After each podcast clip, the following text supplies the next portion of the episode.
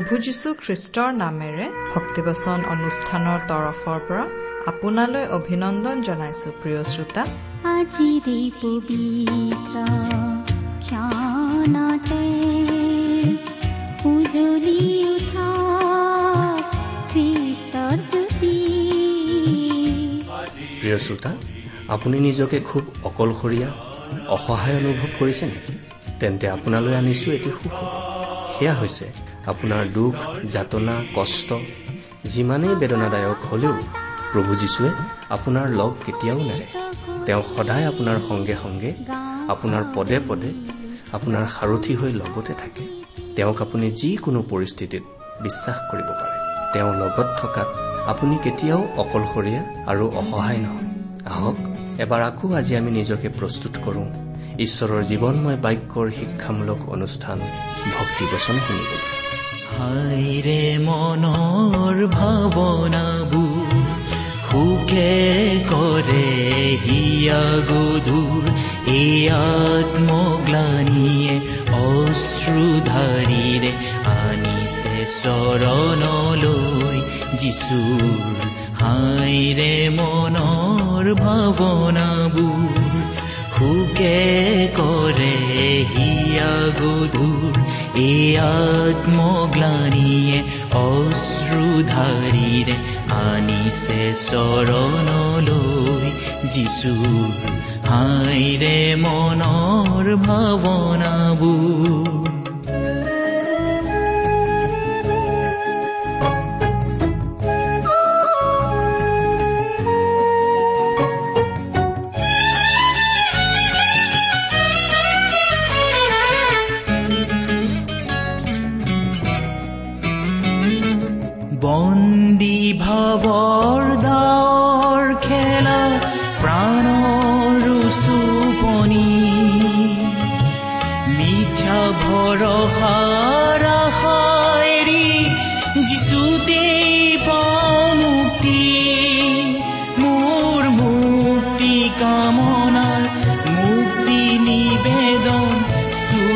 প্ৰভুৰ চৰণ তেওঁ লৈছে তুলি গধুৰ বুজাবোৰ কৰিছে প্ৰাণ পুজো হাইৰে মনৰ ভাৱনাবোৰ সুকে কৰে হিয়া গধুৰ। এই আত্মগ্লানিয়ে অশ্ৰুধাৰীৰে আদিছে চৰণলৈ যিচু। হাইৰে মনৰ ভাৱনাবোৰ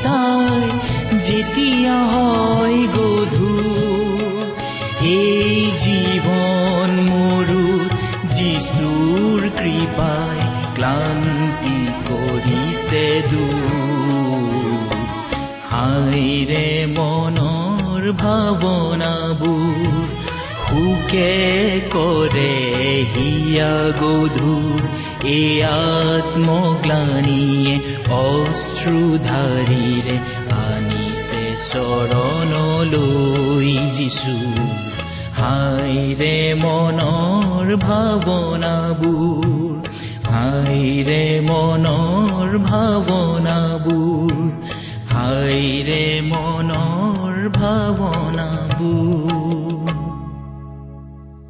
আমাৰ পৰম পবিত্ৰ প্ৰভু যীশুখ্ৰীষ্টৰ নামত নমস্কাৰ প্ৰিয় শ্ৰোতা। আপোনাৰ ভালনে বাৰু? আশা কৰো আমাৰ মহান পিতা পৰমেশ্বৰৰ মহান অনুগ্ৰহত আপুনি ভালে কুশলে আছে। লগতে আমি এই বুলিও আশা কৰিছো যে আপুনি আমাৰ এই ভক্তিবচন অনুষ্ঠানটো নিয়মিতভাৱে শুনি আছে। প্ৰিয় শ্ৰোতা আমি আমাৰ চিনাকি লোকসকলক ভালে কুশলে থকাটো নিবিচাৰোনে বাৰু? ঈশ্বৰেও আমাক ভাল পায়। আমি ভালে কুশলে থকাটো বিচাৰে। আৰু সেইবাবেই তেওঁ আমাক উদ্ধাৰ কৰিবলৈ তেওঁৰ একেজাত পুত্ৰ যীশুখ্ৰীষ্টক আমালৈ দান কৰিছিল।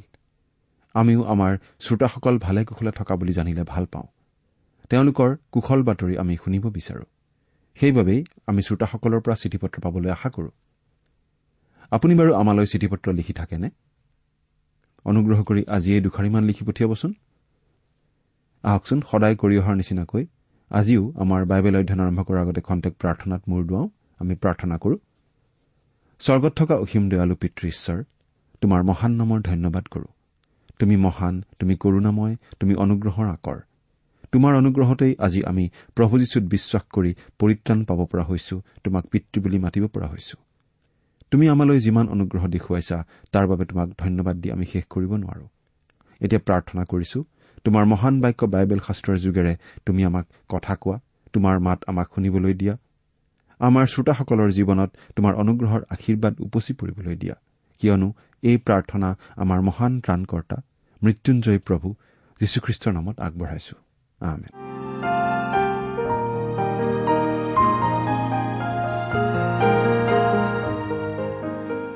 প্ৰিয় শ্ৰোতা আমি আজি ভালেমান দিন ধৰি বাইবেলৰ নতুন নিয়ম খণ্ডৰ ইফিচিয়াবিলাকৰ প্ৰতি পত্ৰ বা চমুকৈ ইফিচিয়া পুস্তকখন অধ্যয়ন কৰি আছো।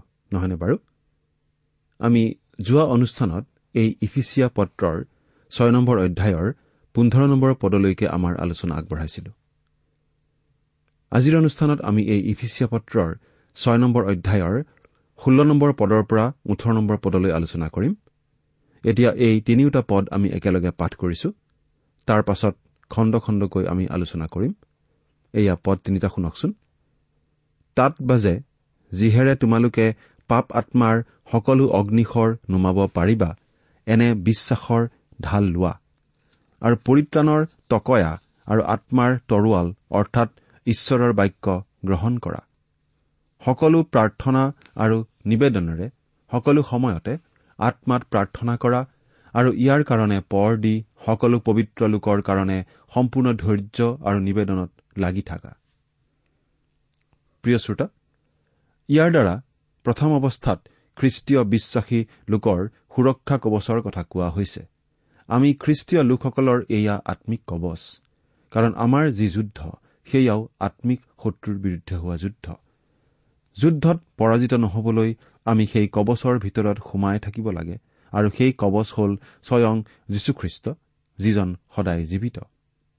আৰু আমি যদি খ্ৰীষ্টৰ ভিতৰত থাকো তেন্তে আমাৰ শত্ৰু ছয়তানে আমাক পৰাজিত কৰিব নোৱাৰে। তাৰ প্ৰমাণ হ'ল ইউব। এই কথা ছয়তানে নিজেই প্ৰকাশ কৰিছে। ইউবৰ পুস্তকৰ এক নম্বৰ অধ্যায়ৰ আঠ নম্বৰ পদৰ পৰা দহ নম্বৰ পদলৈ পাঠ কৰিলে ছয়তানৰ এই কথাখিনি স্পষ্টকৈ ওলাই পৰে। পাঠ কৰি দিছো শুনিবচোন। ঈশ্বৰে ছয়তানক সুধিলে তুমি মোৰ দাস ইউবলৈ মন কৰা নাইনে? কিয়নো তেওঁৰ নিচিনা সিদ্ধ সৰল ঈশ্বৰলৈ ভয় ৰাখোতা আৰু দুষ্টতাৰ পৰা আঁতৰি থাকোতা লোক পৃথিৱীত কোনো নাই।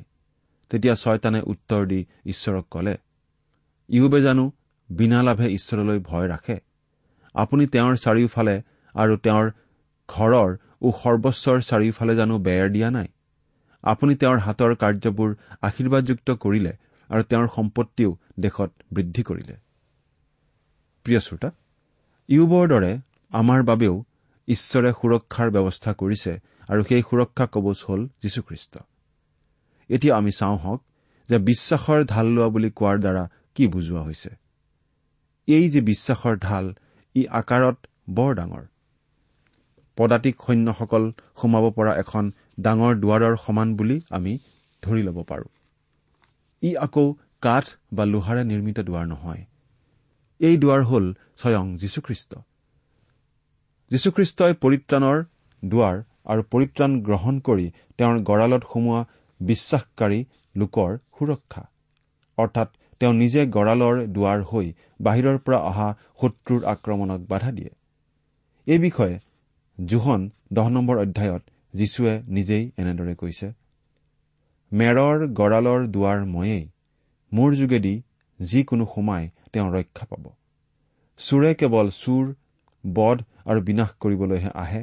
কিন্তু মই হলে তেওঁবিলাকে যেন জীৱন পায় আৰু তাকে যেন প্ৰচুৰকৈ পায় এই নিমিত্তে আহিলো। ইয়াৰ দ্বাৰা কোৱা হৈছে যে খ্ৰীষ্টই হল পৰিত্ৰাণ আৰু পৰিত্ৰাণ পোৱা লোকৰ সুৰক্ষা। এতিয়া আমি চাওঁ হওক যে বিশ্বাসৰ দ্বাৰা কি ক'ব বিচৰা হৈছে। বিশ্বাসে পৰিত্ৰাণৰ দুৱাৰেদি যীশুখ্ৰীষ্টৰ সুৰক্ষাৰ গঁড়ালত সোমাবলৈ সহায় কৰে। এই বিষয়ে জোহন দহ নম্বৰ অধ্যায়ৰ ন নম্বৰ পদত যীশুৱে নিজেই এনেদৰে কৈছে ময়েই দুৱাৰ মোৰ যোগেদি যিকোনো সোমাই তেওঁ ৰক্ষা পাব আৰু ভিতৰলৈ বাহিৰলৈ অহা যোৱা কৰিব আৰু চৰণি পাব। প্ৰিয় শ্ৰোতা এয়াই হ'ল পৰিত্ৰাণ। এই পৰিত্ৰাণ পোৱা লোকৰ সুৰক্ষা কি বাৰু? এই বিষয়ে জোহন দহ নম্বৰ অধ্যায় সাতাইছ আৰু আঠাইছ নম্বৰ পদত যীশুৱে এইদৰে কৈছে মোৰ মেৰবিলাকে হলে মোৰ মাত শুনে ময়ো তেওঁবিলাকক জানো। আৰু সেইবিলাক মোৰ পাছে পাছে আহে আৰু মই সেইবিলাকক অনন্ত জীৱন দিওঁ। তাতে সেইবিলাক কেতিয়াও নষ্ট নহব আৰু কোনেও সেইবিলাকক মোৰ হাতৰ পৰা কাঢ়ি নলব। বিশ্বাসৰ দ্বাৰা আমি খ্ৰীষ্টৰ লগত সংযুক্ত হ'ব পাৰো আৰু তেওঁৰ সুৰক্ষা কবচৰ ভিতৰত সোমাব পাৰো। সেইকাৰণে যিয়ে যীশুখ্ৰীষ্টক বিশ্বাস কৰে তেওঁক ছয়তানৰ আক্ৰমণে পতিত কৰিব নোৱাৰে। এইবাৰ চাওঁ হওক যে পাপ আত্মাৰ অগ্নিশৰ মানেনো কি বুজোৱা হৈছে। পাপৰ গৰাকী ছয়তানে পৰিত্ৰাণ পোৱা লোকক পাপত পেলাবলৈ অনবৰতেই চেষ্টা কৰি থাকে। সেই চেষ্টা সদায় সি বেয়া ধৰণে নকৰে। কেতিয়াবা বৰ সুন্দৰকৈ আৰু ভদ্ৰভাৱেও মানুহক প্ৰবঞ্চনা কৰে। কিন্তু তাৰ চেষ্টা যিয়েই নহওক কিয় তাৰ উদ্দেশ্য কিন্তু সদায় বেয়া। মানুহৰ ভাল আৰু হিত চিন্তা সি কেতিয়াও কৰিব নোৱাৰে। অনুগ্ৰহ কৰি এইখিনিতে এটা কথা মন কৰিব যে পৰিত্ৰাণ পোৱা আৰু নোপোৱা মানুহৰ ক্ষেত্ৰত ছয়তানৰ আক্ৰমণ অলপ বেলেগ বেলেগ হ'ব পাৰে। কিয়নো মানুহ হিচাপে আমি সকলোৱেই পাপী। অৰ্থাৎ পাপতেই আমাৰ জন্ম জন্মসূত্ৰে আমি পাপী। পাপ কৰিলেহে যে আমি পাপী হওঁ এনে নহয় কিন্তু স্বভাৱতেই আমি পাপী। কিন্তু যিয়ে যীশুখ্ৰীষ্টক বিশ্বাসেৰে গ্ৰহণ কৰে খ্ৰীষ্টৰ পবিত্ৰ তেজৰ দ্বাৰা তেওঁৰ পাপৰ প্ৰায়চিত্ৰ হয়। অৰ্থাৎ তেওঁ পবিত্ৰ আত্মাৰ দ্বাৰা নতুন জন্ম লাভ কৰে। তেওঁ হৈ পৰে নতুন পুৰুষ। এই নতুন পুৰুষ হল ছয়তানৰ বিশেষ লক্ষ্য। সেইকাৰণে নতুন পুৰুষক ছয়তানৰ আক্ৰমণৰ পৰা খ্ৰীষ্টই সুৰক্ষা প্ৰদান কৰে। এই বিষয়ে কবলৈ গ'লে বহুত কথা হ'ব। অৱশ্যে আমি নিয়মীয়াকৈ আলোচনা কৰিয়েই আছো। তথাপিতো এই বিষয়ে ভালদৰে জানিবলৈ আপুনি বাইবেলৰ নতুন নিয়ম খণ্ডটি যেনে তেনে পঢ়ক। পঢ়াৰ আগতে আপুনি প্ৰভু যীশুৰ নামত প্ৰাৰ্থনা কৰিব। আৰু যীশু যে পৰিত্ৰতা হয় এই কথাটো আপুনি নিশ্চয় বিশ্বাস কৰিব। কাৰণ বিশ্বাস নকৰিলে আপুনি বাইবেলৰ কথা ভালদৰে কেতিয়াও বুজি নাপায়। কাৰণ এয়া আম্মিক আৰু স্বৰ্গীয় কথা। কিন্তু যীশুখ্ৰীষ্টক বিশ্বাস কৰি যদি আপুনি পঢ়ে তেন্তে বুজি পোৱাত ঈশ্বৰে আপোনাক নিশ্চয় সহায় কৰিব। আপুনি বুজি পাব। ছয়তানৰ আক্ৰমণ আৰু যীশুৰ সুৰক্ষা আপুনি উপলব্ধি কৰিব। এই বিষয়ে ঈশ্বৰেও কৈছে। মোক যদি তুমি বিশ্বাস কৰা তেন্তে মোৰ মহান আৰু অগম্য কথাবিলাক তোমাক জানিবলৈ দিম। ঈশ্বৰ মিছলীয়া নহয় তেওঁ আপোনাক জানিবলৈ দিবই। আগতে আপোনালোকৰ এই অধমেও নিজে বহু কথা বিশ্বাস কৰিব পৰা নাছিলো। কিন্তু যীশুক যেতিয়া বিশ্বাস কৰিলো তেতিয়া বোধৰ অগম্য আৰু স্বৰ্গীয় কথাবিলাক তেওঁ এই অধমক জানিবলৈ দিলে। বাইবেলতো মোৰ বহু বুজি নোপোৱা কথা আছিল। সেইবোৰৰ বাবে মই ঈশ্বৰৰ ওচৰত প্ৰাৰ্থনা কৰিছিলো আৰু ঈশ্বৰে মোক বহুত কথা বুজি পাবলৈ সহায় কৰি আহিছে। আমাৰ বিশ্বাস আমাৰ শ্ৰোতাবন্ধুসকলৰ জীৱনত নিশ্চয় বহুতো নুবুজা কথা আছে। থকাটো স্বাভাৱিক। হয়তো সেইবোৰৰ উত্তৰ দিব পৰা মানুহ শ্ৰোতাবন্ধুসকলে কতো বিচাৰি পোৱা নাই। যদি এই কথাই সত্য হয় তেন্তে শ্ৰোতাবন্ধুসকলক আমি অনুৰোধ কৰিব খুজিছো যে প্ৰভু যীশুখ্ৰীষ্টত বিশ্বাস কৰক। আৰু তেওঁকেই সোধক। তেওঁ অদৃশ্য ৰূপত আহি আপোনাৰ হৃদয়ত কথা ক'ব। তেতিয়া আপুনি বুজি পাব ছয়তানৰ আক্ৰমণ কি ভয়ংকৰ আৰু যীশুৰ সুৰক্ষা কিমান শক্তিশালী। প্ৰিয় শ্ৰোতা আপোনাক আমি বাইবেল পঢ়িবলৈহে কলো কিন্তু আপোনাৰ লগত বাইবেল আছে নে নাই? যদি নাই সোনকালে এখন যোগাৰ কৰি লৈ পঢ়িবচোন। বাৰু যি কি নহওক আমি আকৌ মূল কথালৈ ঘূৰি আহিছো। এইবাৰ আমি চাওঁ আমাক যে পৰিত্ৰাণৰ টকয়া ল'বলৈ কোৱা হৈছে তাৰ মানেনো বাৰু কি? টকয়া মানেনো কি বাৰু? এই টকয়া শব্দটো আমি বহুতে বুজি নাপাওঁ। টকয়া মানে ইংৰাজীতেই কোৱা হয় হেলমেট অৰ্থাৎ শিৰস্ত্ৰাণ। স্কুটাৰ মটৰ চাইকেল আদি চলাওঁতে মূৰত হেলমেট পিন্ধি লোৱা হয়। কল কাৰখানাত কাম কৰা শ্ৰমিক ইঞ্জিনিয়াৰ আদিয়েও মূৰত হেলমেট পিন্ধি লয়। মূৰত যাতে আঘাত নাপায় সেইকাৰণেই হেলমেট পিন্ধা হয়। ঈশ্বৰেও আমাক মূৰত হেলমেট পিন্ধি ল'বলৈ কৈছে। অৱশ্যে স্কুটাৰ মটৰ চাইকেল চলোৱা মানুহে পিন্ধাৰ নিচিনা নহয় আৰু এই হেলমেট মূৰৰ লাও খোলা বা মগজুৰ সুৰক্ষাৰ কাৰণেও নহয়।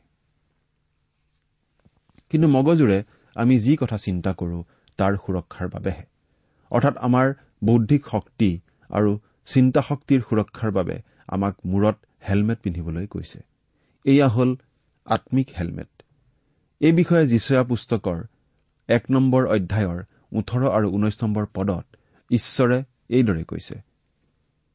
ঈশ্বৰে কৈছে আহা আমি যুক্তিযুক্ততাৰে কথা বতৰা কৰো হওক।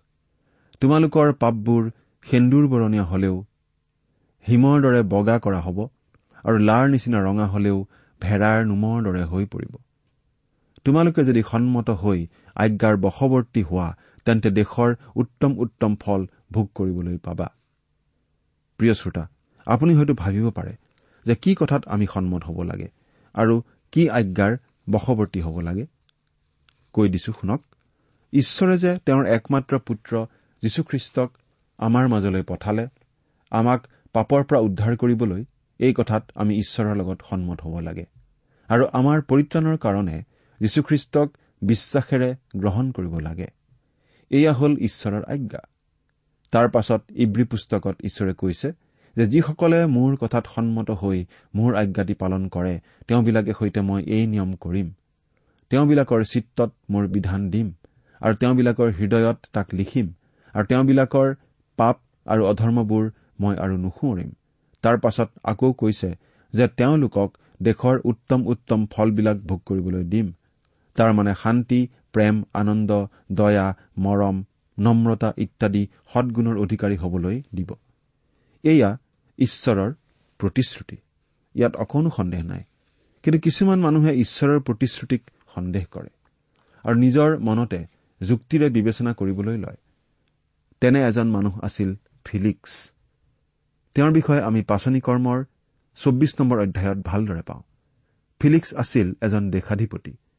তেওঁ পৌলক মতাই নি যীশুখ্ৰীষ্টক বিশ্বাস কৰাৰ বিষয়ে কথা সুধিছিল। পৌলেও ফিলিক্সক ধাৰ্মিকতা ইন্দ্ৰিয় দমন আৰু ভৱিষ্যতে আহিবলগীয়া সুধবিচাৰৰ বিষয়ে যুক্তিৰে কথা কৈছিল।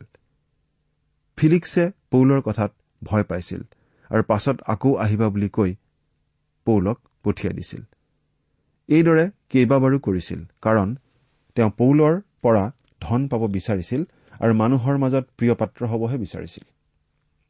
প্ৰিয় শ্ৰোতা এতিয়া আপোনাৰো যদি অৱস্থা ফিলিক্সৰ দৰে তেন্তে ঈশ্বৰৰ উত্তম উত্তম ফলবোৰৰ অধিকাৰী আপুনি কেনেকৈ হ'ব কওকচোন? কিন্তু যদি সৰল মনেৰে ঈশ্বৰৰ প্ৰতিশ্ৰুতি বিশ্বাস কৰে তেন্তে ঈশ্বৰে আপোনাৰ মূৰত পৰিত্ৰাণৰ টকয়া অৰ্থাৎ সৎ বুদ্ধি বিবেক বিবেচনাৰ হেলমেট পিন্ধাব। এই সকলো পাবলৈ হলে আপুনি প্ৰভু যীশুক বিশ্বাস কৰিবই লাগিব। কাৰণ পাপী মানুহৰ পৰিত্ৰাণ হল একমাত্ৰ প্ৰভু যীশুখ্ৰীষ্টই তেওঁ পৰিত্ৰাণ পোৱা লোকৰ মূৰৰ হেলমেটৰ ওপৰত বহি থাকে। এই বিষয়ে প্ৰথম থিচলনিকীয়া পাঁচ নম্বৰ অধ্যায় আঠ নম্বৰ পদত আমি এনেদৰে পাওঁ। কিন্তু আমি দিনৰ সন্তান হোৱাত আমি বিশ্বাস আৰু প্ৰেমৰ বুকুবৰি পিন্ধি আৰু পৰিত্ৰাণৰ আশাৰূপ টকয়া মূৰত দি চেতনে থাকো হওক প্ৰিয় শ্ৰোতা এতিয়ালৈকে আমি যিমানবোৰ সুৰক্ষা কবচৰ সামগ্ৰী পালো সেইবিলাক আপুনি মন কৰিছেনে? সেই সকলোবিলাক সৈনিকজনৰ কেৱল সন্মুখ ভাগৰ কাৰণেহে পাছফালৰ কাৰণে একো দিয়া হোৱা নাই। তাৰমানে আমাক থিৰে নাথাকি পিছুৱাই দৌৰিবলৈ কোৱা হোৱা নাই। মনত ৰাখিব পিছলৈ চাই দৌৰা খ্ৰীষ্টিয়ান এজন শত্ৰুৰ আক্ৰমণত পৰাজিত হবলৈ অতি সহজ। প্ৰিয় শ্ৰোতা আমি যাতে পিছুৱাই নাহি আক্ৰমণ প্ৰতিহত কৰিব পাৰোঁ তাৰ বাবে ঈশ্বৰে আমাক দুবিধ বৰ আচৰিত অস্ত্ৰ দিছে। তাৰে এবিধ হ'ল আত্মাৰ তৰোৱাল। এই আত্মাৰ তৰোৱাল মানে হ'ল ঈশ্বৰৰ বাক্য। ঈশ্বৰৰ বাক্যৰ বৰ আচৰিত শক্তি আছে। এই বিষয়ে ইব্ৰী পুস্তকৰ চাৰি নম্বৰ অধ্যায়ৰ বাৰ নম্বৰ পদত এইদৰে কোৱা হৈছে। কিয়নো ঈশ্বৰৰ বাক্য জীয়া কাৰ্যসাধক আৰু আটাই দুধৰীয়া তৰোৱালতকৈও চোকা প্ৰাণ আৰু আত্মা গাঁঠি আৰু মজ্জা এই সকলোকে ভেদ কৰালৈকে বিন্ধুতা আৰু মনৰ ভাৱনা আৰু অভিপ্ৰায়কো চিনোতা। খ্ৰীষ্টই হ'ল ঈশ্বৰৰ জীৱন্ত বাক্য। যীশুখ্ৰীষ্টই ঈশ্বৰৰ বাক্যৰ দ্বাৰাই ছয়তানৰ প্ৰলোভনক প্ৰতিহত কৰিছিল। আৰু এই বিষয়ে আমি মুঠিয়ে লিখা শুভবাৰ্তাত বহলাই আলোচনা কৰি আহিছো। আপোনাৰ বোধহয় মনত আছে? যীশুখ্ৰীষ্টৰ দৰে ঈশ্বৰৰ বাক্যৰ সেই দুধৰীয়া তৰোৱাল আমাৰ মুখেৰেও প্ৰচাৰিত হ'ব লাগে কাৰণ এই বাক্যই হ'ল শত্ৰুক আক্ৰমণৰ বাবে ঈশ্বৰৰ শক্তিশালী অস্ত্ৰ। এই বিষয়ে প্ৰকাশিত বাক্য এক নম্বৰ অধ্যায়ৰ ষোল্ল নম্বৰ পদত এইদৰে কোৱা হৈছে। আৰু তেওঁৰ সোঁহাতত সাতোটা তৰা আছে। তেওঁৰ মুখৰ পৰা দুধৰীয়া চোকা তৰোৱাল এখন ওলায় আৰু তেওঁৰ বচন নিজ শক্তিৰে ওলোৱা সূৰ্যৰ নিচিনা। আকৌ ঊনৈশ নম্বৰ অধ্যায়ৰ একৈশ নম্বৰ পদত এইদৰে কোৱা হৈছে আৰু অৱশিষ্টবিলাকৰ সেই ঘোঁৰাত উঠা জনাৰ মুখৰ পৰা ওলোৱা তৰোৱালৰ দ্বাৰাই বধ কৰা হ'ল আৰু সকলো চৰাইবিলাক সিহঁতৰ মঙহেৰে তৃপ্ত হ'ল। এতিয়া দ্বিতীয় অস্ত্ৰবিধনো কি তাকে চাওঁ আহক। এয়া হ'ল সকলো প্ৰাৰ্থনা আৰু নিবেদনেৰে সকলো সময়তে আত্মাত প্ৰাৰ্থনা কৰা। এইটোৱেই হ'ল দ্বিতীয়বিধ অস্ত্ৰ। প্ৰিয় শ্ৰোতা পবিত্ৰ আত্মাৰ দ্বাৰা প্ৰাৰ্থনা কৰা মানে প্ৰাৰ্থনাৰ সকলো কথা একগোট কৰি ঈশ্বৰৰ হাতত গতাই দিয়াটো নুবুজায়। কিন্তু প্ৰাৰ্থনাৰ সকলো কথা এটি এটিকৈ ঈশ্বৰৰ ওচৰত বিৱৰি কোৱাটোহে আত্মাৰ প্ৰাৰ্থনা। অৰ্থাৎ ইয়াৰ দ্বাৰা আমি এইটো প্ৰকাশ কৰিব লাগিব যে আমি আমাৰ শত্ৰুক চিনি পাইছো আৰু তাৰ আক্ৰমণৰ বিৰুদ্ধে বিশ্বাসত থিৰে থাকিবলৈ ঈশ্বৰৰ শক্তিৰ সহায় লৈছো। আনহাতে পৌলে ইয়াত প্ৰাৰ্থনা আৰু নিবেদন এই দুটা বস্তু বেলেগ বেলেগকৈ দেখুৱাইছে। প্ৰাৰ্থনা হ'ল সাধাৰণ আৰু নিবেদন হ'ল নিৰ্দিষ্ট। নিবেদন মানে হ'ল আমাৰ সকলো বিষয় ঈশ্বৰৰ ওচৰত এটি এটিকৈ ভাঙি পাতি কোৱা। কিন্তু এই দুয়োটাই আমি আত্মাত কৰিব লাগে। এজন খ্ৰীষ্টীয় সৈনিকৰ সুৰক্ষাৰ বিষয়ে আমি আগৰ অনুষ্ঠানতো আলোচনা কৰিছিলো। আৰু আজিৰ অনুষ্ঠানতো আমি আলোচনা কৰিলো। আশা কৰো এই আলোচনাবোৰৰ যোগেদি আপুনি নিশ্চয় আম্মিক বল শক্তি পাইছে। এজন সজ সৈনিকৰ দৰে থিয় হৈ থাকিবলৈ ঈশ্বৰে আপোনাক সহায় কৰক। এইখিনিতে আমি এটা কথা নকৈ থাকিব নোৱাৰো যে যীশুখ্ৰীষ্টক বিশ্বাস নকৰা লোক এজন ছয়তানৰ আক্ৰমণত ইতিমধ্যেই পৰাজিত। তেওঁ আৰু পৰাজিত হ'ব নালাগে। কিন্তু এই পৰাজিত লোকজনে যীশুখ্ৰীষ্টৰ যোগেদি ছয়তানৰ ওপৰত জয়লাভ কৰিব পাৰে আৰু সুৰক্ষা কবচ লাভ কৰিব পাৰে। গতিকে আপুনি এই সুবিধা লাভ নকৰাকৈ নাথাকিব বুলি আমি আশা কৰিছো। আজিলৈ আমাৰ সময়ো হৈ আহিছে। আলোচনাত ভাগ লোৱাৰ বাবে প্ৰভু যীশুৰ নামত আপোনাক পুনৰ ধন্যবাদ দিছো। অহা অনুষ্ঠানত আমি এই ইফিচিয়া পত্ৰৰ ছয় নম্বৰ অধ্যায়ৰ ঊনৈশ নম্বৰ পদৰ পৰা আমাৰ আলোচনা আৰম্ভ কৰিম। সেই অনুষ্ঠানত আপোনাক নিশ্চয় পুনৰ লগ পাম। এই লগ পাম বুলি কোৱাৰ লগে লগে এটা কথা মনলৈ আহিছে। আমাৰ জীৱনটো ইমান অনিশ্চিত যে আমি কোনেও কাকো এই পৃথিৱীত পুনৰ লগ পাম বুলি আচলতে ডাঠি ক'ব নোৱাৰো। কাৰণ আমাৰ জীৱনটো ক্ষণস্থায়ী। এই জীৱনটো কেতিয়া শেষ হয় আমি কোনেও ক'ব নোৱাৰো। কিন্তু এজন খ্ৰীষ্টীয় বিশ্বাসীয়ে আন এজন খ্ৰীষ্টীয় বিশ্বাসীক এটা কথা দৃঢ়তাৰে আৰু বিশ্বাসেৰে ক'ব পাৰে যে এই পৃথিৱীত নহলেও স্বৰ্গত লগ পাম। কিয় বাৰু? কাৰণ প্ৰভু যীশুত আশ্ৰয় লোৱা মানুহবোৰে স্বৰ্গলৈ যাবই বুলি অতি নিশ্চিতভাৱে ক'ব পাৰে। এই পৃথিৱীত জীয়াই থকা অৱস্থাতেই তেওঁলোকে এই নিশ্চয়তাৰে কথাখিনি ক'ব পাৰে। এয়া কোনো অলিক কল্পনা নহয়। এই নিশ্চয়তা প্ৰভু যীশুৰ বাক্য আৰু প্ৰতিজ্ঞাৰ ওপৰত প্ৰতিষ্ঠিত। সেইবাবেই এই জীৱনতেই খ্ৰীষ্টীয় বিশ্বাসীজনে স্বৰ্গলৈ যোৱাৰ নিশ্চয়তা লাভ কৰে। সেই নিশ্চয়তা আপোনাৰ অন্তৰত আপোনাৰ হৃদয়ত আছেনে বাৰু? চিন্তা কৰি চাওকচোন। ঈশ্বৰে আপোনাক সহায় কৰক। আহমেদ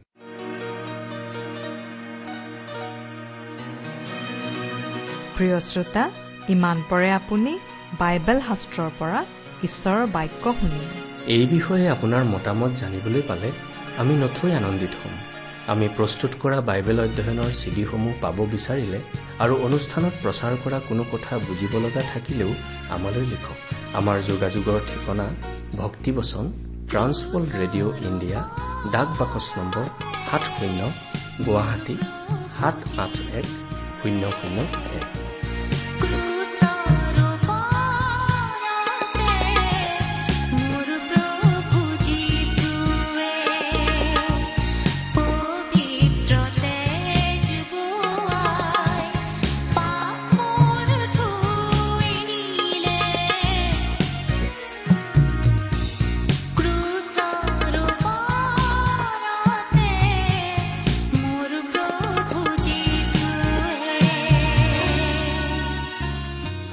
ঠিকনাটো আকৌ এবাৰ কৈছো ভক্তিবচন ট্ৰান্স ৱৰ্ল্ড ৰেডিঅ' ইণ্ডিয়া ডাক বাকচ নম্বৰ সাত শূন্য গুৱাহাটী সাত আঠ এক শূন্য শূন্য এক। আমাৰ ইমেইল এড্ৰেছটো হৈছে Assamese T TV at the rate radio' eight eight two dot com.